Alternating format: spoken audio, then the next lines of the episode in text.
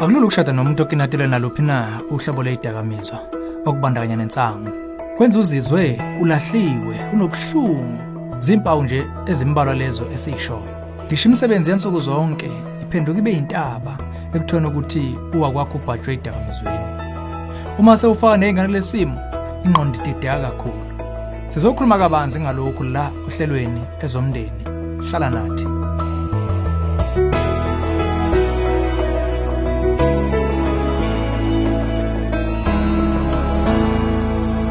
Kwamnandi kimi kuba ngikubingelele.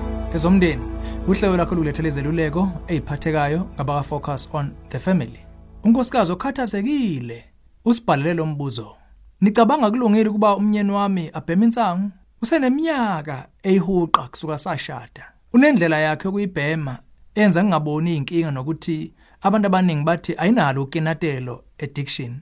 Kodwa manje usedlebelendile ekuyisebenziseni ngisho ngaphambi kweingane umthole seyiphafuza. Okwenza ngiqala ukungabaza manje.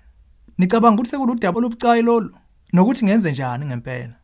Embuzweni wakho othi ngakuba udaba oselubucayi lolu. Impendulo nguyebo ongashaya emhlolweni.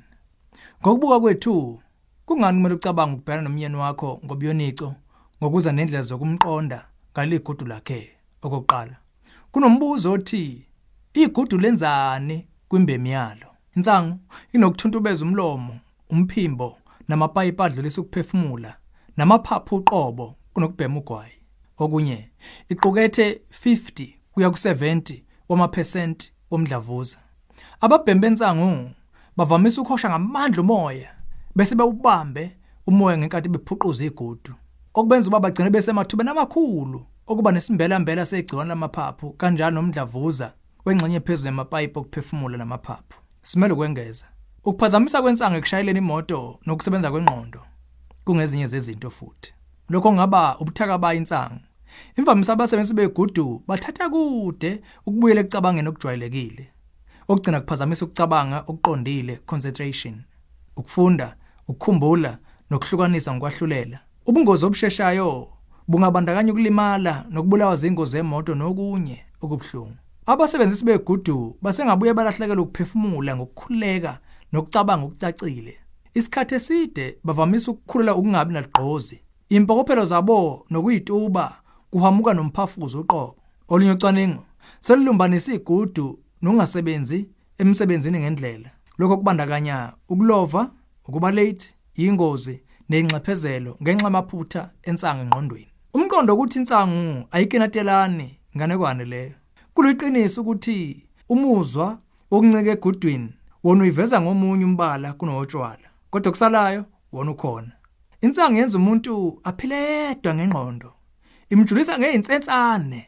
Lokho kumncisha ukuphila nabantu. Lokho kuqhuba umoya ukuba abe unkunzi idla yodwa. Ebese ngalokho kwanda ukuthi afune igudu kuphela limqhelise kubantu.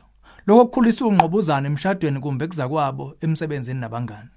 Sekubonakala ukuthi idakamizwe ezinkulu ezinyusela kwezinye ezedlulele kuba yinsangu notshwala ebayilata lokuba udlulele ezidakamizweni ezedlulele. Uhlobo olunje lesidakamizwa esinyusela kwesinye esedlulele senza imigudu engqondweni ekufakela umuzwa wokufuna ukuzwa olunye uhlobo lesidakamizwa esevile. Ama studies asekhombisile ukuthi laba bagcine kuyidakamizwa ezidlulele njengamaphilisi, heroin, babeqale ngensangu. Yilawo maphuzu aphathekayo. Adinga umuntu acabangisise. Ngokwejwayelekile, akekho ongakutshela wenze njani ngowakwakho osethe shay egudwini usevele ngamadevu. Into okuzobiza ukuba uyisebenze wena siqo.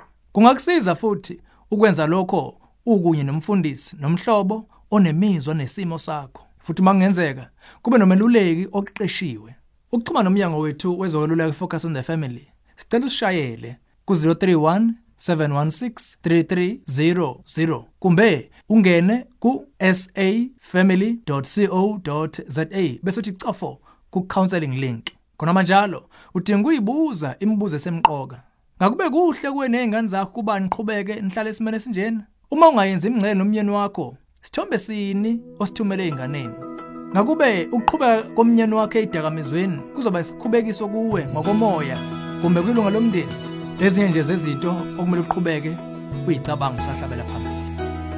lolu hlelo ezomndeni ulethulelwe yi-focus on the family sihlangabezwa hlelo luzayo sisihlabelisa phambili umndeni wakho